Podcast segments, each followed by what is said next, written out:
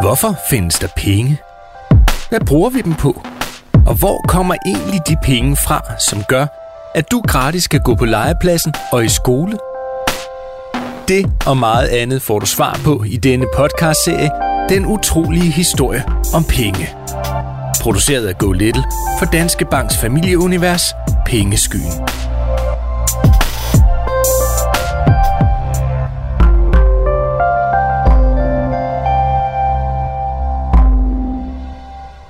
Måske har du hørt nogen kalde hinanden for skat. For eksempel, jeg savner dig, min skat. Eller, tag lige to liter appelsinjuice med hjem, så er du en skat. Måske bliver du også kaldt skat en gang imellem. Nå, men det er altså ikke den slags skat, du nu skal høre om. Skat er nemlig også et ord for penge, som voksne skal betale hver eneste måned. For selvom man har et job og tjener penge, ja, så får man altså ikke alle pengene selv. Så ud af de penge, din mor og far tjener, skal de betale en del af pengene i skat. Blandt andet til dig. Og det er den slags skat, du nu skal høre om.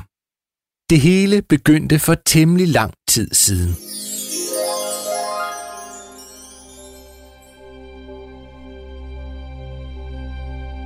Kristendommen var lige blevet indført i Danmark, så man nu troede på Jesus, Jomfru Maria og en Gud, der rent faktisk hed Gud i stedet for for eksempel Thor, eller Odin, som to af guderne i den nordiske mytologi hed. De kristne præster ville gerne have kirker at prædike i, altså tale i. Så de ikke bare skulle stå ude på marken, og det kan man jo godt forstå, hvis man kender det danske vejr, som jo ikke altid er lige sjovt.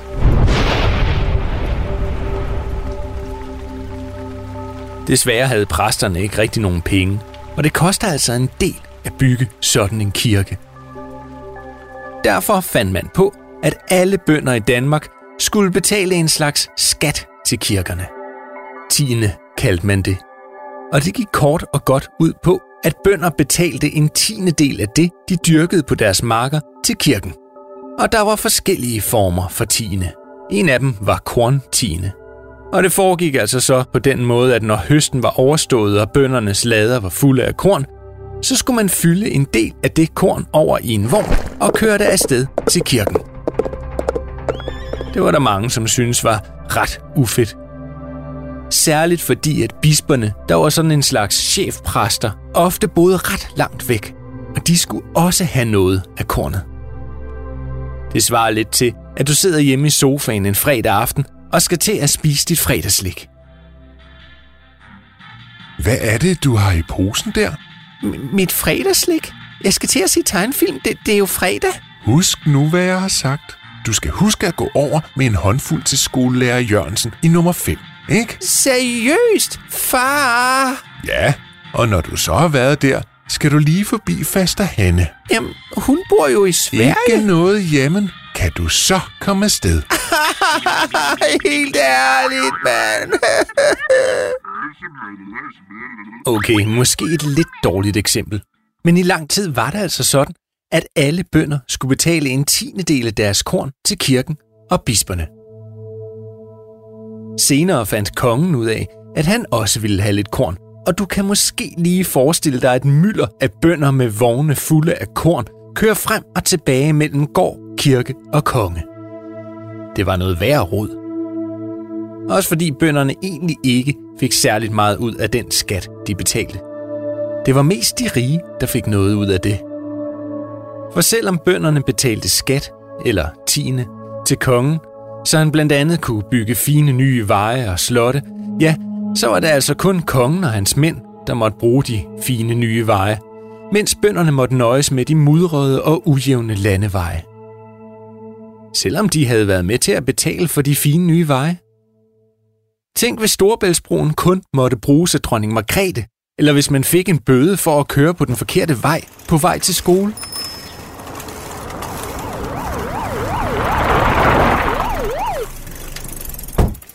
Stop i lovens navn.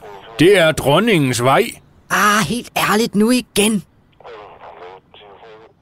Faktisk var der i gamle dage rigtig mange ting, der i dag kan virke mærkelige. For eksempel kostede det ret mange penge at gå til lægen. Og der var heller ikke gratis biblioteker, legepladser og skoler, som vi kender det i dag. alt det kom først senere hen. I dag betaler vi ikke tiende mere, men din mor og far betaler i stedet skat. Og skat, ja det er altså så en del af de penge, som de voksne tjener ved at gå på arbejde, som skal betales til staten, altså til hele Danmark. Og i dag betaler voksne faktisk meget mere i skat, end bønderne gjorde, dengang man betalte tiende, som jo også var en form for skat. Men til gengæld får vi, i modsætning til dengang, også meget mere for pengene i dag. Og pengene, der bliver betalt i skat, kommer os alle sammen til gode, og ikke kun præsterne og de kongelige. For den skat, som alle voksne betaler, får vi en masse ting. Separate? Ja, lad os gøre det her, mand. Ja. Ja. de har broer, universiteter og skoler, hospitaler, biblioteker, skat betaler hver en meter. Veje, cykelstier og broer, veje, cykelstier og broer. Hvad så når du brækker din finger? Afsted til hospitalet med Inger Kirker, legepladser, børnehaver, hjertepasser, fængsler og parker Betjente i frakker Veje, cykelstier broer, Universiteter og skoler Hospitaler, biblioteker, skat betaler hver en meter veje, cykelstier broer. Og så får man også penge, mens man studerer Og hvis man mister sit arbejde? Det er for vildt, mand Du tænker måske, at jeg vil ikke betale skat, når jeg bliver stor. Jeg kan da bare lade være med at gå på biblioteket. I fængslet vil jeg heller ikke. Og jeg kan bare liste rundt ude i en skov og leve af bær, så jeg ikke engang går på vejene. Umme, numme, numme, num. Der var lige et bær mere der. Au. Men det er altså sådan, at man skal betale skat i Danmark, ligegyldigt om man vil det eller ej. Du behøver dog ikke betale skat til kirken, altså kirkeskat, hvis du nu for eksempel ikke tror på Gud. Men derudover, ja, så kan du altså ikke slippe for at betale skat, også selvom du bare lister rundt ude i en skov hele livet.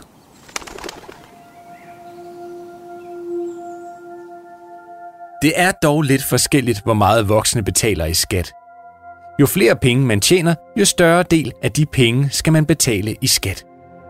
Nogle voksne tjener rigtig mange penge og betaler derfor meget i skat, mens andre tjener mindre og betaler mindre i skat.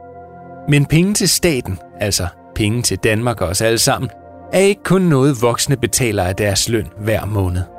Der er for eksempel også noget, der hedder moms og afgifter, som er lagt oven i prisen på varerne i supermarkedet, som også er en slags skat.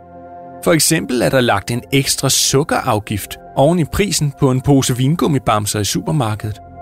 Det betyder, at fabrikken, der laver vingummibamserne, skal betale penge til staten for at producere vingummibamser, fordi der er sukker i.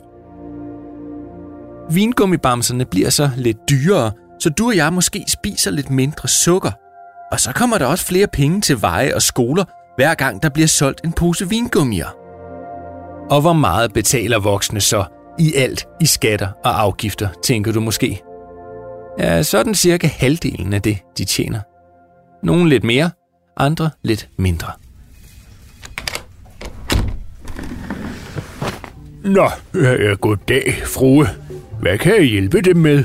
Jo, jeg tænkte, at det var ved at være tid til at betale min skat. Ja, men det var da fornuftigt, men hvad, hvad er det, du har i den kæmpe sæk der? Ja, jeg tænkte, at jeg hellere måtte slæbe det hele med, når jeg nu alligevel skulle herhen. Ja, jamen, jamen, jamen, det er jo... Ja, selvfølgelig er det korn. Hvad skulle det ellers være? Og nej, vi betaler ikke skat i korn mere. I dag betales skatten som sagt af de voksnes løn, inden de overhovedet får pengene sat ind på deres bankkonto. På den måde kommer man nemlig ikke til at bruge alle sine penge, før man har betalt sin skat. Der er mange, der er uenige i, hvor meget man skal betale i skat. I Danmark betaler vi mere i skat end i de fleste andre lande. Blandt andet fordi vi har besluttet, at det skal være gratis at gå til lægen, og skoler og uddannelse skal være for alle ligegyldigt, om man er rig eller fattig. Jo flere, der går i skole og uddanner sig, jo flere vil også kunne få et arbejde, hvor de kan betale skat. Og det er jo egentlig ret smart, selvom det måske lyder lidt kedeligt. Men sådan er det slet ikke alle steder i verden. I mange lande betaler man meget mindre i skat end i Danmark. Altså beholder de voksne flere af de penge, de tjener, til sig selv. Men det betyder så også, at det for eksempel koster penge at få en god uddannelse og gå til lægen. Så selvom du måske nogle gange synes, at det er lidt irriterende, at din mor og far skal arbejde, så er det altså ikke kun for, at I kan få et sted at bo og noget at spise, men også for, at du kan gå i skole og komme til tandlægen. Og det er måske alligevel værd at være glad for. For tænk nu bare, hvis det slet ikke var de voksne, men børnene, der skulle betale skat.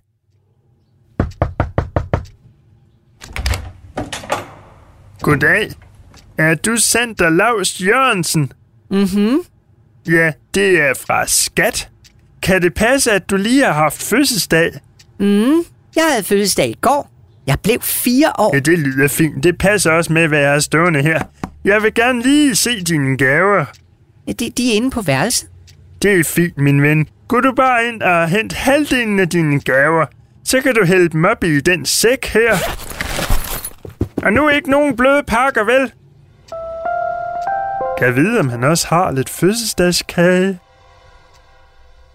Heldigvis har jeg ikke hørt om steder, hvor børn skal betale skat af deres fødselsdagsgaver. Men de voksne betaler altså skat af deres løn. Så nyd legepladsen, biblioteket, teatret og de gratis skoler. Og vær glad for, at du må beholde din fredagslik. Næsten for dig selv. Jeg tror lige, jeg snupper sådan en her. Ej, helt ærligt, far!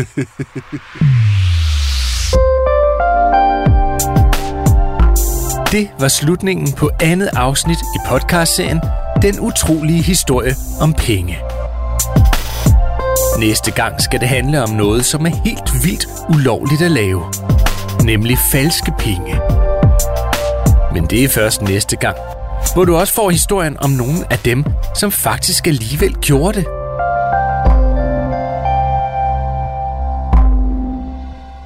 Den utrolige historie om penge er produceret af Go Little og Thomas Banke Branneke for Danske Banks familieunivers Pengeskyen.